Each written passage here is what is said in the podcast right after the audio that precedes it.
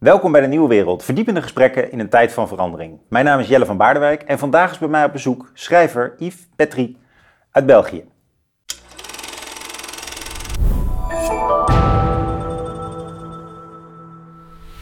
Leuk dat je hier in Leiden bent. Ja, graag. Ik heb je uitgenodigd naar aanleiding van jouw nieuwe boek Overal zit mens, een moordfantasie. Heftig boek. Ik heb wat uh, meer van je gelezen, bijvoorbeeld uh, Maagd Marino. Is een tijd geleden. Ja, ja ook en, heftig. Ja. Uh, ah, ook heftig, ja. En ik dacht, ja, het is toch wel bijzonder om eens met een schrijver gewoon door te bomen, die, waarvan ik zelf vind dat, het, dat die schrijft in een taal die me, die me erg, erg aanspreekt in de zin van met, met zorg geschreven, maar niet, niet te bombastisch, maar wel met mooie woorden en, en um, ja, misschien is zorg gewoon het goede woord. Dus uh, Nederlandse schrijvers vind ik soms een beetje kalig en uh, heel kort. En no nooit eens een keer een mooi woord. Ja. Dat is ook een beetje mijn vooroordeel hoor. Maar... Ja, dat is ook een stijl natuurlijk, maar ook ja. een stijl die mij minder aanspreekt. Ja, kijk, wat, barok zou ik het niet noemen, maar het is wel... Het heeft een rijke woordenschat, bijvoorbeeld, zoiets wel natuurlijk. En het is een beetje speelser. En het is... Uh, ik vind de Nederlandse literatuur vaak nogal een beetje droog ook. Ja, ja. Wat vind je nou een typisch Nederlandse schrijver? Ik hou wel van, van de retoriek eigenlijk, eh, in de literatuur. Ja. Ja, wat, wat vind jij een typisch Nederlandse schrijver? Ja, dus ik hou er eigenlijk niet zo van. Ik lees niet zo graag. Ik vind Vijver bijvoorbeeld wel goed om te lezen, maar dat is ook niet zo'n typisch Nederlandse schrijver. Nee, nee, nee, nee. Die, uh, er wordt ook uh, door intellectueel een beetje op neergekeken. Hè? Zo van uh, de, een overdrijver die met plotwendingen werkt. En, ja. Ja, vind ik op zich geen probleem eigenlijk. Nee, nee, heb ik ook geen belediging als je plot hebt. Nee, nee, ik heb dus een boek, voor de eerste keer heb ik een roman geschreven waar toch duidelijk een suspense element in zit. Uh, maar ik vind het daarom vind het toch een van mijn betere boeken eigenlijk. Ja, ja ik heb er ook erg van genoten. Uh, en eigenlijk ja, ook wel van het plot moet ik eerlijk toegeven, maar dat kunnen we hier natuurlijk niet verraden. Nee, nee, maar het sleept wel mee. Het is niet zo heel veel, maar het, het sleept wel mee eigenlijk. Hè. Dat heb ik van andere mensen gehoord die mijn werk ook wel graag lazen vroeger al. Uh, het sleept hen er, ja, het, het trekt hem vooruit eigenlijk, de, de, de suspense die hierin zit.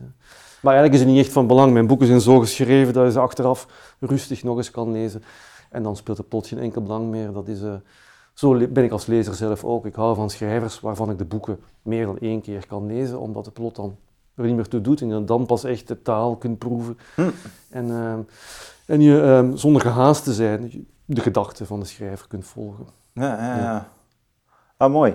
Ik, uh, ik vond jou namelijk niet zo'n schrijver, vind jou niet zo'n schrijver die, waarvan je de gedachten aan het volgen bent, maar je, zit echt in het, je schrijft echt in, vanuit mensen hun hoofd. Hè? Vanuit, ja, je zit helemaal in de gedachten van het... Ja, het zijn mijn gedachten niet, het zijn die van het, van het hoofdpersonage. Ja, ja, maar, goed, ik heb, ik heb ze wel opgeschreven natuurlijk. Ja, ja.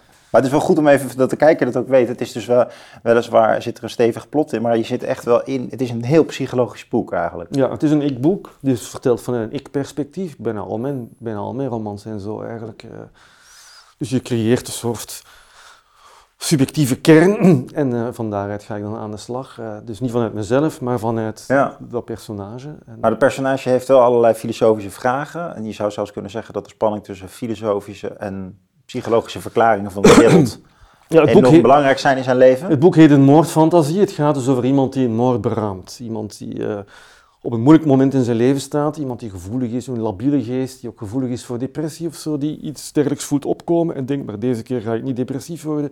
Deze keer ga ik iets doen. En wat hij dan beslist te doen, is een moord plegen. Hij beraamt een moord op iemand met wie hij twintig jaar daarvoor een relatie heeft gehad, een andere man. En uh, ja... Heeft dan, er speelt iets in die relatie, er is een persoonlijk motief dat daarin meespeelt, maar er is ook een meer algemeen, een maatschappelijk of filosofisch motief, zo je wilt. Um, en dat probeert hij voor zichzelf te rechtvaardigen of uit te klaren. Wat zijn mijn motieven eigenlijk? En die motieven moeten een tweevoudige functie vervullen, namelijk hij wil de, het slachtoffer op het moment van de moord vertellen waarom hij moet sterven. Dus ook dat vraagt speciale voorbereiding. En hij moet zich ook voorbereiden op de rechtvaardiging die hij achteraf zal moeten geven natuurlijk. Um, maar hij is eigenlijk helemaal geen geboren moordenaar. En dus hij moet wel heel diep nadenken van waarom doe ik zoiets. Uh, en uh, ja, dat is eigenlijk min of meer het eerste deel van het boek, waarin hij zichzelf klaar wil maken, mentaal en filosofisch klaar wil maken voor de moord die hij zal plegen. Ja, ja het is heftig. Um, Maar het wordt wel iets concreter als je bedenkt dat degene dus die die uh, moord beraadslaagt, dat dat een ehm, klimaatactivist, een klimaat... Nee, hij, werkt dus, hij, is, uh, hij is een bosingenieur, hij werkt in een bos. hij heeft zich altijd prettig gevoeld, redelijk prettig, voor zover iemand als hij zich gelukkig kan voelen. Voelde zich wel gelukkig in het bos, tot op een of andere reden de poëzie van het bos is uitgemolken. Bovendien is het bos er heel slecht aan toe als gevolg van eh, de, het algehele milieuverval. En uh, samen met de mensen over wie hij de leiding heeft in dat bos, is dat natuurlijk wel. Het zou een van de redenen kunnen zijn waarom hij eigenlijk gedeprimeerd raakt. Zijn collega's raken in elk geval gedeprimeerd. Hij is soms niet gedeprimeerd raken uh, door het moord te beraden. Uh, maar is hij nu een activist? Ja, hij is gewoon heel erg, ook door zijn werk zelf, op de hoogte van het algehele milieuverval.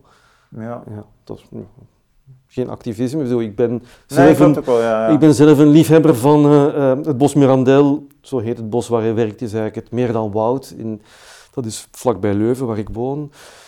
En ik, ben, ik loop daar ook graag rond, maar je kunt het ook als leek gewoon met je eigen ogen zien natuurlijk. Uh, hoe de dingen eraan toe zijn, dat is niet al te goed. Ja. Ja, Hij is boos op een man die, uh, waar hij dus vroeger ehm, mee had, een relatie mee had zelfs. Nou, heel kort, heel kort. Eigenlijk is er niks gebeurd. Eigenlijk is dat op zich voor een buitenstaander helemaal geen reden om die man twintig jaar later te gaan vermoorden. Maar hij is toch op een of andere manier gekrenkt. Ja. Die relatie heeft niet zo lang geduurd. Hij is daardoor gekrenkt op een of andere manier. En die krenking, die twintig jaar lang niks te betekenen had, wordt nu ineens uh, de brandstof voor een soort razende haat die hij zal gaan uitleven in de moord. Dat is zijn voornemen, toch? er zit ook wel maatschappijkritiek in, want hij is dus iemand die in het bos leeft op, zijn, op voor hem acceptabele manier. En, ehm, maar die man die belichaamt eigenlijk de moderne beeldscherm-celebrity. Die... De andere, het slachtoffer. Ja, het slachtoffer Max de man. het slachtoffer is een soort publieksintellectueel. Uh, een man die ja. in alle praatprogramma's opduikt, uh, columns heeft in kranten uh, en, en zo verder. Die altijd voor het goede doel zich laat inzetten, om het even welk goed doel als het maar zoals het heet, aan de juiste kant van de geschiedenis staat, dan, dan staat hij erbij.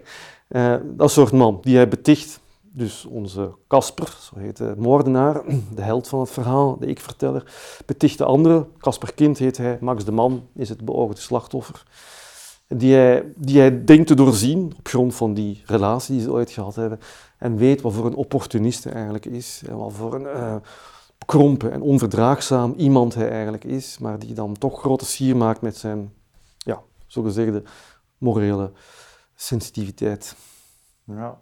Het blijft wel, die Max de Man leren we niet kennen vanuit een ander perspectief dan hem. Nee, dus, nee, dus, nee. Dus, dus, in die zin is het echt gewoon een, een vlakke celebrity intellectueel. het zou goed kunnen dat die Max de Man eigenlijk als persoon heel goed meevalt, maar ja, dat past dan niet in het, in het, en misschien in het denken van Casper Kind natuurlijk. Dus hij moet van hem ook een te hate figuur maken. Ja. Dus hij stelt hem voor zoals hij hem voorstelt. Maar goed, um, ik heb al van mensen die het boek gelezen hebben gehoord dat het ook wel heel herkenbaar is. Iedereen wel, heeft wel zijn Max de Man, soms zelfs meer dan één Max de Man. Het kan ook een Max de Vrouw zijn trouwens. dat soort mensen, die zijn van heel uiteenlopende strekking, die kunnen uit alle hoeken van het politieke spectrum komen, heb ik ondertussen tot mijn verbazing begrepen. Um, want ik, ik portretteer hem eerder als een soort links-progressieve publieksintellectueel. Um, maar ja, dus... Ja, het is wel natuurlijk herkenbaar dat er Je kunt hem vlak noemen, maar, maar ja, Dat, op de vlak, ja, het zijn mensen die via schermen tot ons komen. Het zijn ook letterlijk vlakke mensen natuurlijk. En er zijn dan mensen waar je op een gegeven moment echt van gaat uh, denken van... Uh, ja, ik haat ze, ik droom van ze, ik ben met ze bezig. Maar in dit geval is er dus ook wel enige reden toe, want hij kent hem van vroeger. En hij voelt zich ook persoonlijk verraden. En dan is het ook wel lastig als je elke dag die hij vindt man, ook die man op tv kan zien. Ja, en hij vindt het ook belangrijk. Hij wil geen, want er zijn nog andere van die vlakke schermfiguren, zegt hij op een bepaald moment. En keuze genoeg, waarom pik ik nu juist Max de Man eruit? Ja, omdat hij als individu een moord wil plegen. Het gaat eigenlijk om het behoud van de individualiteit bij Casper Kind. Um, En hij wil dus, uh, ja, ook als een individu, hij moet, in, hij moet individuele motieven hebben om die moord te plegen. Dat zal misschien afbreuk doen aan de algemeen geldigheid van zijn daad en dat soort gedachten, bijvoorbeeld staat er dan in. Maar ja, dat moet, het, dat moet er dan wel bij. Als ik alleen maar een soort een zuiver ideologisch terroristische moord pleeg, dan verraad ik eigenlijk mijn eigen individualiteit. Dus hij moet het weten te legitimeren. Het is ook een kritiek op de vlakke burgerlijke dat ook, dat ook. tv-intellectueel. Dat ook. Maar het moet ook individueel gestoffeerd zijn, als het ware. Over die spanning eh, hebben we een, een, stukje geselecteerd, hè? De, wat belang van individu zijn. Ja.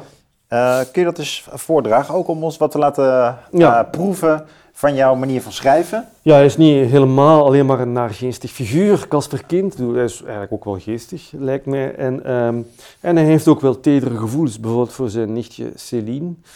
eh, met wie hij, zeker toen ze nog een, een tiener was, een, een goede verstandhouding had. En hij ehm, denkt terug aan een gesprek dat hij ooit met haar had. En waarin zij zich nogal wijsgerig opstelt en ook, ook denkt van, eh, ja, waarom denken we zoveel in hokjes? Waarom is alles al zo geabstraheerd? Waarom kan ik niet gewoon het leven op mijn eigen manier ontdekken, zonder dat er van buitenaf wordt gezegd wie ik eigenlijk ben of zo. En voilà, dat gesprek wordt, wordt over verteld en dan, ehm, zal ik een stukje lezen? Ja, heel graag. En dan eh, komt er een bedenking, een herinnering eh, van van Casper Kind. Inwendig jubelde ik, zegt hij. Haar woorden waren me recht uit het hart gegrepen. Ze was tot de ontdekking gekomen dat het lang niet evident is jezelf te zijn. Je beleeft jezelf, maar de anderen beleven jou ook. En in het licht van hun bemoeienis dreigt het tere pigment van je innerlijk te vervagen. Ieder is de ander en niemand is zichzelf. De heer M. Heidegger uit Freiburg stelde het een eeuw geleden al vast. Sindsdien is het gekwebbel van de wereld alleen maar opdringeriger geworden. Al die evolutie-psychologische humbug die dagelijks over de 21ste mediaconsument wordt uitgestort. En die geacht wordt ons te verlichten. Of anders is het een gender- of systeem- of sociaal psycholoog die zijn wetenschappelijke waarzeggerij voor wetenschappelijke waarheid wil laten doorgaan. Een constant bombardement van wetenschapspropaganda ontmoedigt het zelfstandige denken en maakt dat we nauwelijks nog toekomen aan eigen ervaringen, aan eigen observaties en interpretaties. Wie durft het nog aan uit eigen naam te spreken? En alsof die onwetenschappelijke verwetenschappelijking van de tijdsgeest ons zelfgevoel al niet genoeg corrumpeert, hebben we ons ook nog eens wereldwijd onderworpen aan de conventies van het digitale zelfdesign en van het digitale zelfdressuur, die onze zin voor waarachtigheid nog veel grondiger en op nog veel grotere schaal perverteren dan de sociale conventies uit het verleden ooit hebben gekund. 21ste eeuwers. We zijn gedegenereerd tot een ras van gebrainwashte papegaaien en gefotoshopte poseurs. Ons innerlijk leven afgevlakt tot een laagje pixels. En dat geldt zowel voor de hoogopgeleide en zogenaamd gecultiveerde burger als voor de laagopgeleide en ongecultiveerde, voor de beter gesitueerde niet minder dan voor de slechter gesitueerde, voor de leidinggevende evenzeer als voor de leidingzoekende. Het komt er niet langer op aan jezelf te kennen. Het gaat erom anderen het gevoel te geven dat ze jou kennen. Het ultieme ideaal is dat zij jou zien zoals jij jezelf ziet en dat jij jezelf ziet zoals zij jou zien. Transparantie heet dat en simplisme is de prijs die ervoor betaald moet worden. Het ik is hooguit nog een figuur bij wijze van spreken. Vergelijk het met geld. Je kunt er alleen iets voor krijgen in zoverre de anderen het erkennen als harde munt. Op zichzelf is het van geen waarde en bezit het geen realiteit. Mocht je in de illusie verkeren van wel, meld je dan zo spoedig mogelijk aan bij een bevoegd therapeut ter correctie van je werkelijkheidszin. Voor Céline was dit alles geen mismoedige diagnose uit de oude doos, maar de zeer herkenbare beschrijving van een zeer actuele irritatie. 16 was ze. Voor het eerst in haar leven had ze een zelfstandig denkend en voelend wezen gebaard, namelijk zichzelf, bezield door haar eigen raadsels en inwendige tegenspraak. En ze was geenszins van plan het vierdimensionale mysterie van deze nieuweling op te geven in ruil voor een identité reçue. Ja, Prachtig stuk waaruit ook blijkt dat je echt wel een wijsgeer bent. Ehm, ja ik ben, ben filosoof van opleiding. ja, eh, geweldig. Eh, laten we eens wat dingen eruit, eh, eruit halen. Maar eerst nog even voor de kijker. Dit komt dus uit het boek Overal zit de mens. En dit boek kun je gewoon bestellen, dus doe dat. En ondertussen eh, word ook lid van ons kanaal. Daar eh, profiteren wij weer van, want dan eh, eh, komen we weer hoger in de YouTube-rankings en kunnen meer mensen luisteren naar dit gesprek met onder andere nu dit gesprek met Yves en ook onze andere gesprekken. Dus dat is belangrijk. Dus word even lid, like en subscribe, om het in slecht Engels te zeggen. En ehm, dan gaan we nu terug naar de inhoud. Ik vond er een paar, paar dingen vielen mij op die, die, die resoneren gewoon enorm bij mij. Bijvoorbeeld die, weet, die onwetenschappelijke verwetenschappelijking van de tijdgeest. Ja, En dat in relatie tot de identiteitsvraag. Dat, Ja. je, dat je toch wel het idee hebt van ja, als mens, wat ben je nou wetenschappelijk gezien? Je bent een product van je opvoeding, dus dan word je een soort maatschappelijke reductie. eh, ja, iemand met heel veel, eh, met, zoals de hoofdpersoon van het boek, een slechte jeugd bijvoorbeeld, die hem heel erg beïnvloedt. En ook kan verklaren waarom iemand uh, of slechte jeugd is misschien niet het goede, nee, goede woord. Meer, hij verliest zijn ouders op een... Hij ja, hij verliest zijn ouders op zijn zeventiende, maar hij komt eigenlijk een redelijk harmonieus middenklasse gezin. Ja, ja. ja ik hij, hij, klaagt ook niet echt over zijn verleden. Dus, uh, nee. nee. Ja, maar het is wel een spannende lijn in het boek, maar goed, we zullen niet alles verklappen. Nee. Dat heeft wel iets te maken met dat hij uh, toch ook op een gegeven moment wees wordt. Ja, dat wel. Ja.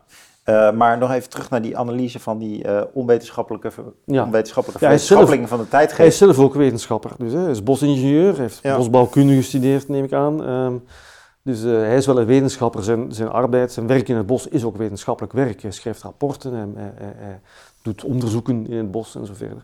Dus hij is zeker niet anti-wetenschap. Maar er is wel iets onwetenschappelijk in de verwetenschappelijking van de tijdsgeest. En dan verwijst hij bijvoorbeeld naar ja, sociale psychologie, genderpsychologie, ja. uh, evolutiepsychologie, uh, dingen die uh, vaak diametraal tegenover elkaar worden gesteld tegenwoordig, maar die voor hem één pot nat zijn, namelijk onwetenschappelijk. dat is geen echte wetenschap. Nee, hij is gewoon er is voor de individu, hij is een beta. Er is voor het individu geen... Ja, hij is een beta, ja, en hij vindt, maar hij is ook een heel erg alfa. Ik bedoel, alles wat hij... En de manier waarop hij spreekt, blijkt hij wel eigenlijk een, een alfa te zijn, ja. in de allereerste plaats. Um, hij heeft ook veel gelezen, hij heeft eigenlijk ook veel filosofie achter de kiezen. Uh, hij verwijst er, zoals hier bijvoorbeeld in deze passage, ook naar. Maar um, ja, hij vindt dat het individu over zichzelf moet spreken in zijn eigen woorden en op grond van zijn eigen ervaringen. Ja. En zichzelf niet moet laten, eh, zichzelf niet moet reduceren, maar ook niet laten reduceren tot een product van de omgeving, of een product van zijn genen, of een product van de evolutie. Ik bedoel, op die manier kun je wel over de mens in het algemeen spreken, maar op die manier hoor je niet over jezelf te spreken. Of jezelf moet je in persoonlijke termen spreken. Dan maakt jezelf kwetsbaar, maar die moed moeten we hebben, vindt hij. Dat is ook dus de moed die hij nu probeert op te brengen door die moord te plegen, die hij ook in persoonlijke naam zal plegen en met een persoonlijk motief, naast een meer algemeen maatschappelijk motief, weliswaar. Ja. Ja, prachtig, mooi toegelicht nog. Uh, als ik er nog zeg maar, wat uh, verstevigende ideeën naast mag zetten. Je ziet dat in de wetenschap dus uh, de mens ofwel gereduceerd wordt tot zijn maatschappelijke status eigenlijk. dus je bent gewoon een product van je omgeving.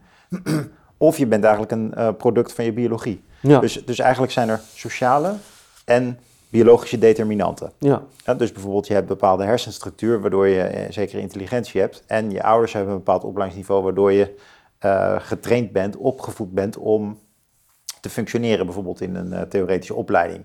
En, uh, maar dan, als je niet uitkijkt, is de mens ook niet veel meer dan dat. Hè? Dus de, de vraag is... Dat is de blik van buitenaf altijd. Dat is de blik van buitenaf op de mens of zo. Maar de blik van binnenuit, het individu, doe, niemand weet dat ik een individu ben als ik, het, als ik het zelf niet voel, als ik het zelf niet beaam, als ik er zelf geen werk van maak, als ik het zelf niet uitbouw tot iets individueels, mezelf, mijn eigen bestaan, dat eenmalige bestaan dat ik heb, ja, dan ben ik ook geen, ja, dan ben ik geen individu. Dan kan ik inderdaad samenvallen met de blik van buitenaf. Maar je moet van binnenuit leren spreken. Ja. Of vindt eh, Casper uh, Kind in elk geval. Nou, maar het is wel een mooie aanleiding, vind ik, om wat breder te filosoferen over, de, mm. over hoe, je dat, hoe jij dat ook doet. Want daar zijn we natuurlijk ook wel benieuwd naar. Hoe... Ja, ik ben romanschrijver. Natuurlijk spreek ik enigszins van binnenuit. Uh, maar ik spreek niet in eigen naam. Ik spreek altijd doorheen een personage. Uh, waarom ik dat doe, is niet omdat ik niet over mezelf zou durven spreken of zo. In mijn persoonlijke leven doe ik dat wel. Maar ik, ik ga niet in de publieke sfeer verschijnen als mezelf. Dat vind mm. ik ja, als ik dat wilde, had ik ook kunnen doen. Dan had ik een heel ander soort boeken moeten schrijven of iets helemaal, helemaal anders doen dan boeken schrijven. Maar schrijf je ook een dagboek bijvoorbeeld? Nee. Nee, nee, ik, zie niet, nee. ik hou wel notities bij tijdens het schrijven, dus invallen of zo schrijf ik wel op, maar ik schrijf, ik schrijf het allemaal toe dan. Ik ken dat allemaal toe, die gedachten aan, ja. voor zover ze bruikbaar zijn, aan het personage. Dus in een periode als nu, nu ik net een boek uit heb, vind ik het leven nogal uh, een beetje, een beetje flodderend, een beetje, een beetje leeg eigenlijk, omdat die gedachten geen bestemming hebben eigenlijk. Dus als ik nu iets denk, of iets observeer, of een mooie zin met, met de binnenveld, of een mooie vergelijking, dan gaat dat alweer gewoon verloren, omdat ik het niet in een boek kwijt kan. En dan, uh, dus ik kijk er naar uit om zo snel mogelijk... Weer te beginnen? Ja, dat, die, dat schrijven zorgt voor mij voor stabiliteit, meer dan uh, schrijven en misschien ook wel omgang met mensen. En uh, vanuit de vraag redenerend, hoe kun je nou zelf vanuit, binnen, vanuit de binnenkant je eigen leven uh, verkennen? Stel dat jij zou adviseren daarover, zou je dan ook zeggen van ga schrijven? tegen mensen? Of wat, hoe kun je dat eigenlijk doen? Hoe kun je dat trainen?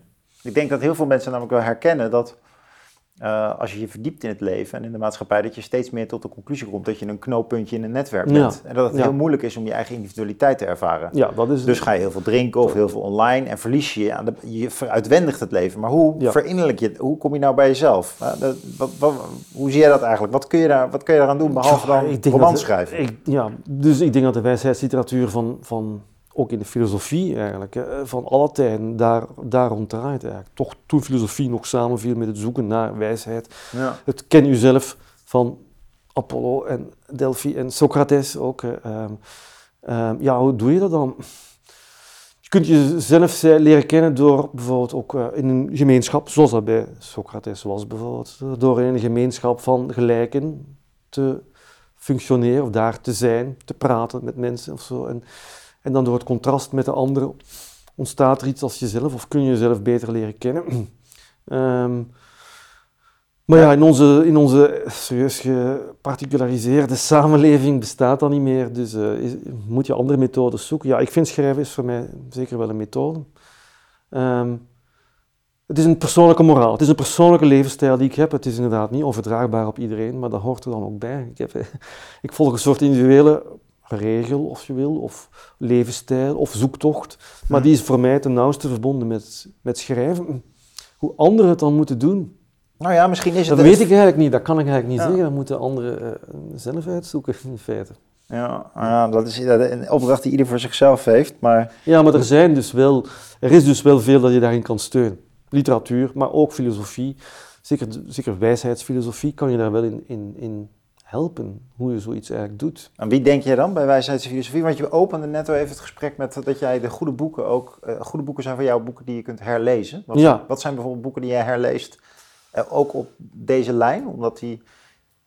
Ik lees, graag, ik lees graag literatuur die sterk, net als dit boek, of net als mijn eerdere boeken ook, die sterk subjectief is eigenlijk. Waarin auteurs hun eigen autoriteit zijn. Schrijven vanuit zichzelf maar als ik dat betekent niet, niet zomaar dat het allemaal flauwekul is of, of maar gebabbel of zo. Hè. Maar die, nee. ze leggen zichzelf wel esthetische normen op, bijvoorbeeld, uh, stilistische normen. Uh, maar ja, welke normen je daarin kiest, welk soort stijl je, je gaat hanteren, ook dat is een manier om, om een heel individueel schrijver te worden. Dus hoe andere schrijvers dat doen, dat alleen al. Zeg nog niet hoe jij het zelf moet doen, maar dat maakt het wel aantrekkelijk om het toch te proberen. Dus literatuur maakt het, het idee van individualiteit. Ik ben iemand die op mijn geheel eigen manier mijn eigen waarheden probeert te cultiveren. Uh, ja, dat, ja, literatuur kan dat interessant maken. Dat een dergelijk project eigenlijk. Terwijl televisie bijvoorbeeld maakt dat over het algemeen niet interessant. Of, of, of de media maken over het algemeen, dat is misschien kritiek op de media direct, maar maken dat minder interessant omdat mensen dan meestal als algemene figuur worden gezien. Of uh, ja. als behoort tot een groep, of een subgroep of zo. Ehm, dus literatuur, ja, helpt mij daar zeker in. Nou, is in, in, in dit boek is ook een mooie spanning tussen... Maar bijvoorbeeld als het gaat voor filosofen, dat is ja. denk niet voor Montaigne, omdat ik deze zomer nog eens... Ja, dat kan jij wel bekoren, Montaigne? Ik denk dat ik elke zomer wel eens... Uh, ik vind de zomer daar om een van de reden een zeer geschikt seizoen voor. Montaigne lezen? De, ja, de hele warme dagen, ja, dan lees ik heel graag Montaigne. Ja. Mm, mm, mm. Het is wel een beetje een geleerde schrijver, hè, die voortdurend laat zien dat hij allemaal gelezen heeft. En, uh... Dat is geen probleem. Dat ik bedoel, ik heb ook Grieks-Latijn gedaan in de middelbare school. Dan wordt mijn Latijn een beetje uh, heropgefrist. Ja, ja. ja, ik vind in die categorie zelf bijvoorbeeld zo iemand als Seneca dan meer... Um, ja.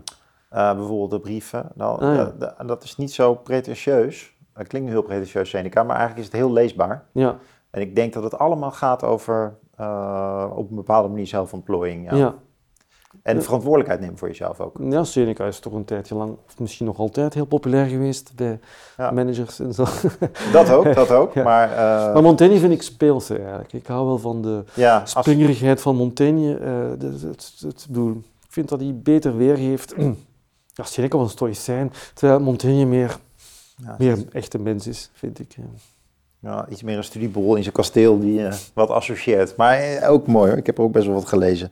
Uh, in jouw boek zit een bijzondere spanning tussen de, de zus van de protagonist en hemzelf. De zus representeert, de, die is ook psychologe. Ja. Die probeert ook zijn gedrag te psychologiseren. En hij is meer filosofisch, hè? Dus of meer Ja. ehm, Ja. intellectueel, zou ik maar zeggen. Ja, Maar Dat vind ik een mooie lijn in het boek, omdat het twee verklaringen zijn van vaak dezelfde eh, dingen die toch heel anders zijn. ja hij zegt het heel bondig ergens in een boek. eh, psychologie is, de, is een poging om de ander te begrijpen. En filosofie is de poging om jezelf te begrijpen. En dat ziet hij als tegenover sta- elkaar staande eh, projecten, onverenigbare projecten. Daarom kan een filosoof volgens hem een psycholoog niet uitstaan. En kan een psycholoog een filosoof niet begrijpen. Ja, klopt het nou, denk je? Denk je dat psychologie alleen maar met de ander bezig is? Ja, ik vind wel, Nee, er ik zijn bedoel ook nu hele het- slimme psychologen hoor, die, eh, die ook heel veel gelezen hebben, filosofie, literatuur en zo. Dus, eh, nee, maar het terwille van het conflict staat hier zo. Er, er Ja. valt iets voor te zeggen, maar het is natuurlijk maar een schematische formule. Nou, wat me wel eens irriteert aan psychologen is dat ze. ehm, zeker, kijk, het, psycholoog is natuurlijk een hele brede, brede eh, Ja, groep mensen, maar de therapeuten bedoel ik dan eigenlijk. Hè? Dus die, ehm, Mhm. En dan zeker die schematherapeuten die het dan hebben over het innerlijke kind en over de strenge vader en de innerlijke rechter en zo. Die, eh, die, eh, die willen wel eens heel erg veel benadrukken hoe je het leven voelt. En ehm, erg naar die emotie toe gaan. Ja, En de pijn opzoeken en, en het medelijden met de pijn. Terwijl de, en eh, ik snap allemaal wel dat het maar dat blijft een beetje horizontaal zo. Terwijl Casper's kind is niet alleen filosofisch, er zitten zelfs mystieke trekjes in hem. Zo. Ja. Hij wil wel Klopt. Het individuele leven. Ja, hij zegt ergens: eh, je bent nog het meest jezelf. Wanneer je, op het moment dat je, op het punt wanneer je ophoudt te bestaan, dan ben je nog het meest jezelf. Dus, Ja. dus eh, de, de, ja, feit- wanneer je oplost in iets dat hij het eeuwige niets van alles noemt. En hij beschrijft ook een, kort een paar ervaringen waarin dat is overkomen, maar dat zijn ervaringen uit het verleden. Hij heeft die nu niet meer. Dat is onder andere ook een reden waarom hij zich steeds gedeprimeerder begint te voelen. Ehm, dus, eh, maar eigenlijk gaat het hem daarom. Jezelf, zozeer jezelf worden dat je bijna verdwijnt. Dat, de, dat de, de, de, au fond bestaat hij eigenlijk niet. Maar die ervaring is een, Hij is natuurlijk ook zo. Hij is maar die ervaring is, is, een, is, een, is een heel gelukkig makende ervaring. En dat is iets waar een psycholoog niet bij kan, denk ik. Nou ja, maar die zou dan snel zeggen: je bent een narcist. Of een, of een eh, Asperger. Ja, goed. Dat bedoel ik dus. Ja. Dat is een ervaring waar de psycholoog niet bij kan dan. Ja, Nee, die beschrijft niet de ervaring, maar het hokje waar je invalt. ja dat is wel een woord, een etiket, een label. Iets Ja. waar Casper zich hard tegen verzet natuurlijk. eh. Maar daar heb je niets aan als, eh, wanneer je jezelf van binnenuit beleeft. En je wilt de, de beste of de meest memorabele of de onvergetelijkste ervaringen uit je leven eh, niet laten, daar plots een stom etiket op laten plakken van narcist of, of wat is het. ja. Ja. Er zit ook een interessante eh, lijn tussen eh, willen leven en levenslust en eh, de flirt met zelfmoord en moord en identiteitservaring in het boek. Hè? Dus dat hij eigenlijk zelfs op een gegeven moment zegt hij zelfs van ja, de levenskunst is eigenlijk geen zelfmoord plegen. En dat zal mij lukken. Dus, ja, ja, ik denk het ook. Het staat nergens heel expliciet, maar ik denk dus wel dat hij iemand is die inderdaad toch een beetje suicidaal is. En om dat te vermijden, denk ik, vermoord een ander, dan vermoord ik mezelf niet.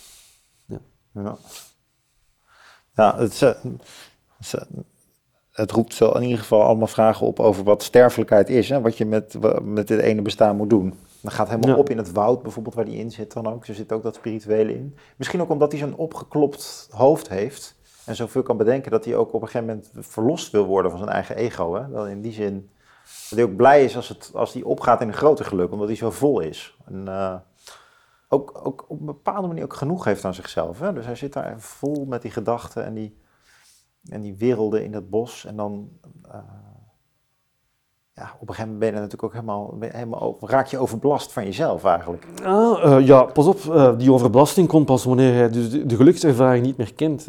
Dan pas raakt hij overbelast. Zolang die er is, is hij een hele stille, eenzelvige man die niemand kent en eigenlijk blijkbaar ook niet veel vrienden heeft of geen sociaal leven nodig heeft. Ehm, maar wanneer dat wegvalt, die ervaring, die gelukservaring en die regelmatig culmineert in zo'n mystiek moment, wanneer dat wegvalt, en dat beschrijft ook dat het is weggevallen, dan dan voelt hij zich als het ware eh, eh, bij de mensen komen, in de wereld geraken. Dan zit hij ook in die overal zit mens sfeer.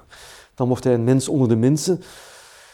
En dan besluit hij, maar ik ga toch niet zomaar een mens onder de mensen zijn. Ik zal een moordenaar onder de mensen zijn. Ja.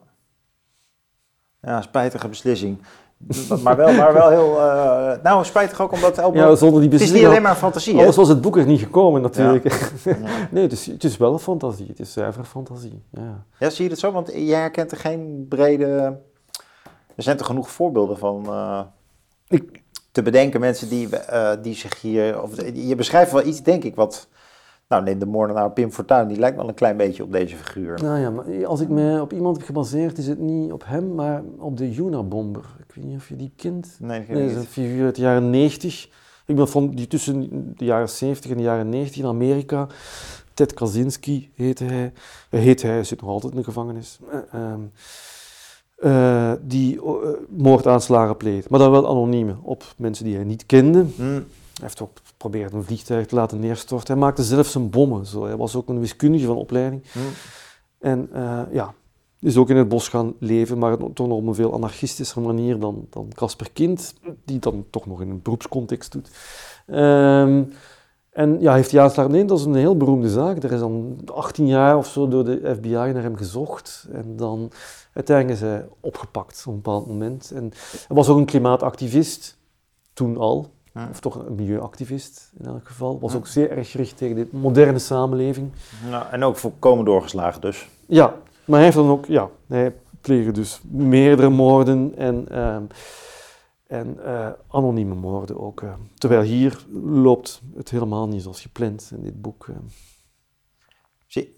Volg jij nou dat soort nieuws eigenlijk heel intensief over, over moordenaars en over, over extreem geweld? Nee, totaal niet. De meeste, Want dat soort... de meeste moordenaars interesseren mij niet. Nee, oh, ja. nee, nee, terwijl uh, het publiek, het grote publiek, daar blijkbaar wel echt werkelijk pap van lust. Nou, jij, jij, jij, cultiveert het ook nogal, die emotie. Van... Ja, maar het gaat meestal om lustmoordenaars, uh, seksueel geïnspireerde moordenaars.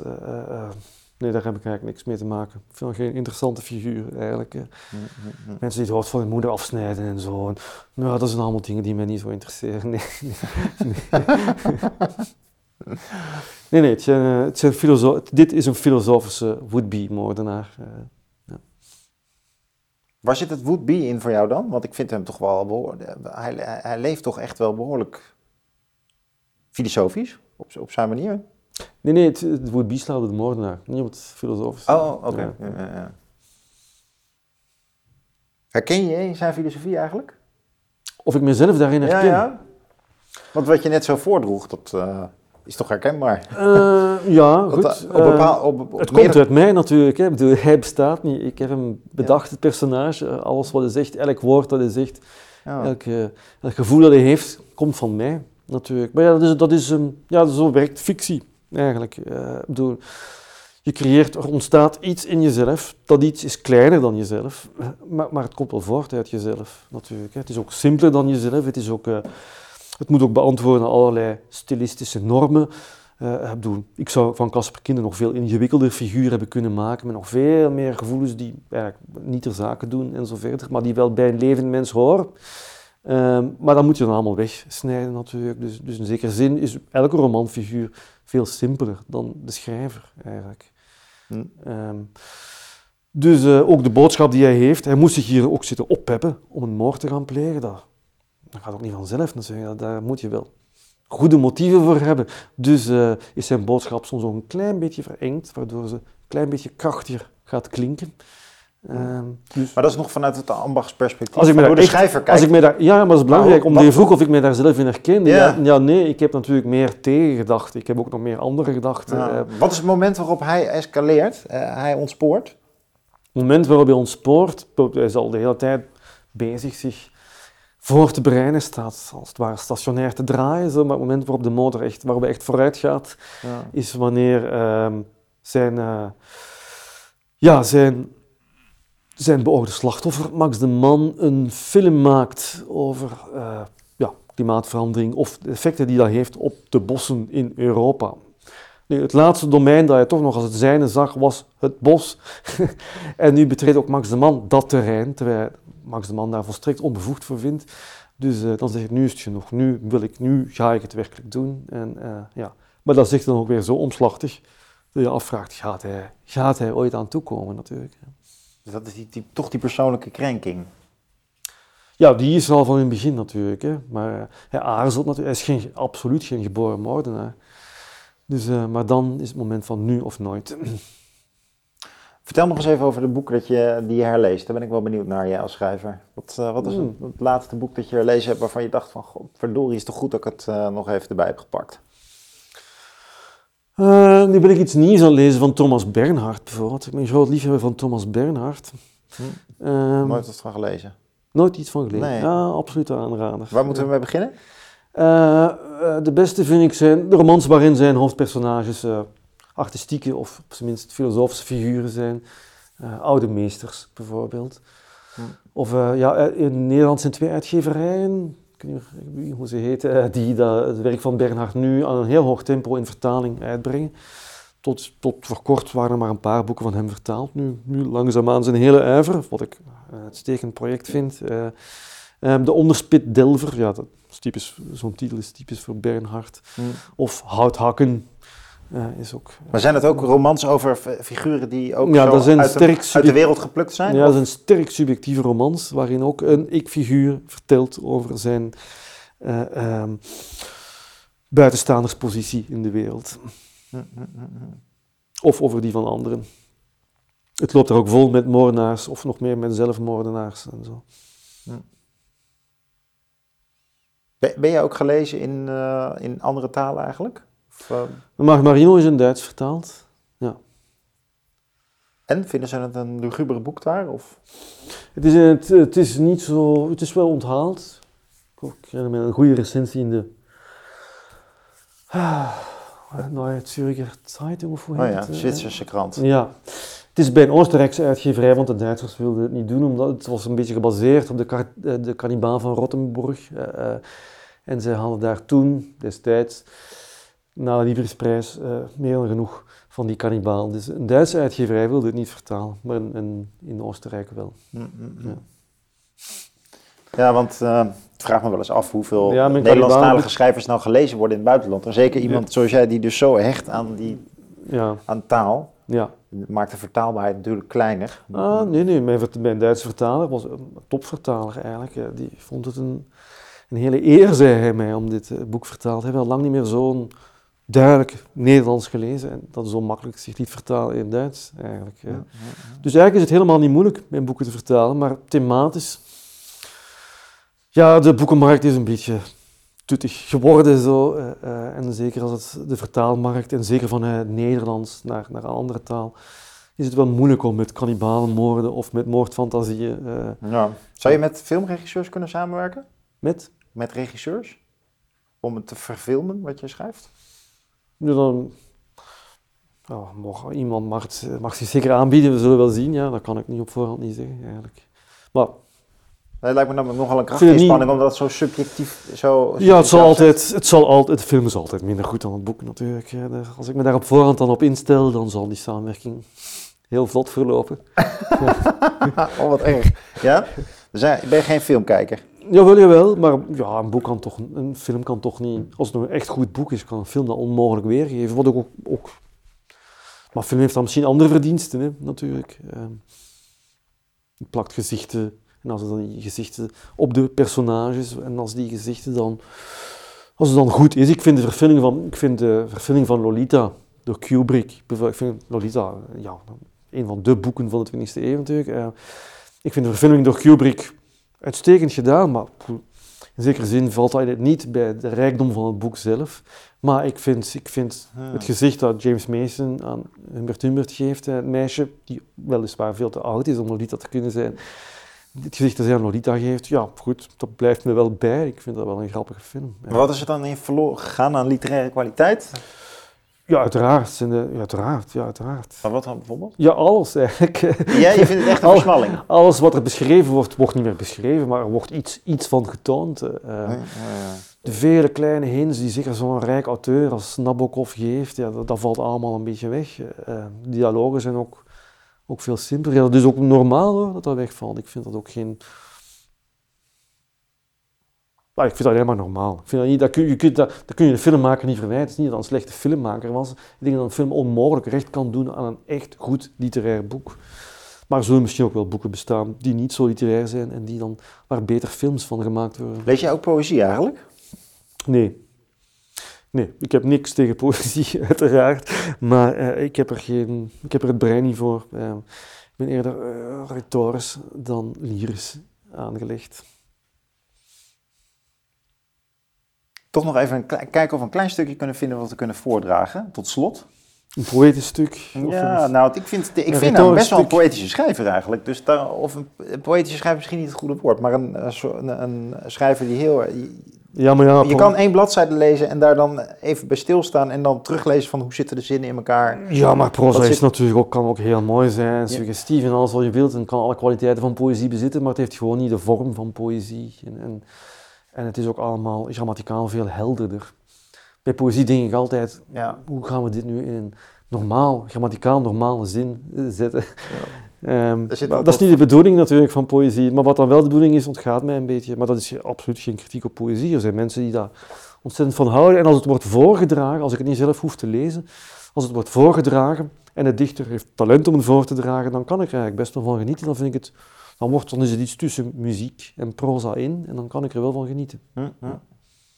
Nou, kijk nog even of je een laatste stukje kan vinden. Ik zal met je meekijken. Ja, omdat we daar straks over wetenschap hadden, zou ik misschien over casperologie hebben. Vond je dan? Ik weet niet of je... Casperologie, ja, dat is een mooie.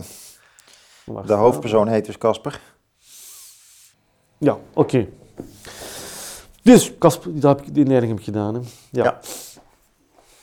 Eigenlijk zou er zoiets als casperologie moeten bestaan. Een multidisciplinaire wetenschap die zich exclusief toelegt op het bestuderen van mijn hoogst eigen particuliere geval. Een uitgebreid team van historici, cultuurantropologen, filosofen, taalkundigen, oppervlakte- en dieptepsychologen, waarin het bovendien ook aan neurologen, genetici, celbiologen, meteorologen en eventueel zelfs aan een kosmoloog niet mag ontbreken, zou, mede met behulp van een batterij supercomputers, misschien in staat zijn om de uiteenlopende invalshoeken van de betrokken specialisten en de miljoenen data die hun observaties opleveren te integreren tot een min of meer werkelijkheidsgetrouwe chroniek van mijn singuliere zelf. Vooroudere geschiedenis, kosmische invloeden, cultureel vooroordeel, lichamelijke dispositie, de tijdsgeest van vandaag of de warme maaltijd van gisteren, elke factor, elke parameter, hoe moeilijk te meten ook, kan van invloed zijn. Waakzaamheid is te allen tijden geboden. De onderzoekers mogen niet toegeven aan de neiging tot eenduidige reductie, maar dienen zich stevast bewust te blijven van de moeilijk verrekenbare, zij daarom niet minder reële rol die duizenden één minuscule en eenmalige toevalligheden van diverse aard gespeeld hebben en nog kunnen spelen in de lotgevallen van hun studieobject.